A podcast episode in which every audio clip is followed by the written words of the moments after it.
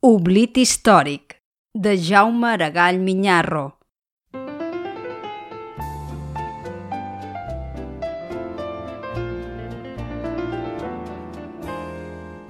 Era la sensació de l'època. Tothom convenia afirmar que Barcelona era la ciutat francesa que més s'assemblava a la capital, París.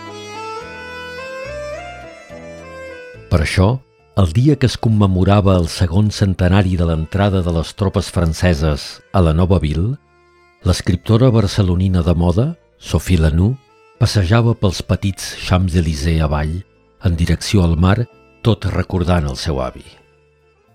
I en veure aquell grapat de pintors que s'hi aplegaven darrere de llargues barbes com mil rèpliques de Rasputin, se l'imaginà encara amb les seves pintures a la Place du Tetre de Montmartre, plasmant ràpid com el vent el París bohemi dels seus somnis.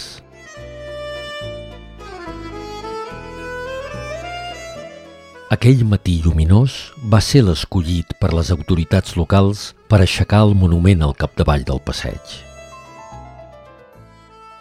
Quan Sofia arribà, encara copsà part de la llegenda que envoltava el personatge homenatjat – un petit bailet de comarques que, cert dia de 1808, sortí de casa seva, a peus del massís de Montserrat, amb el seu timbal.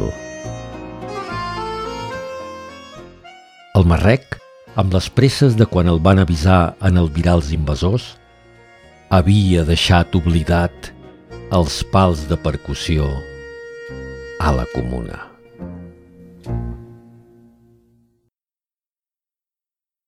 Relat guanyador del concurs de microrelats de la Biblioteca Esteve Palutzí de Barberà del Vallès, de març de 2021.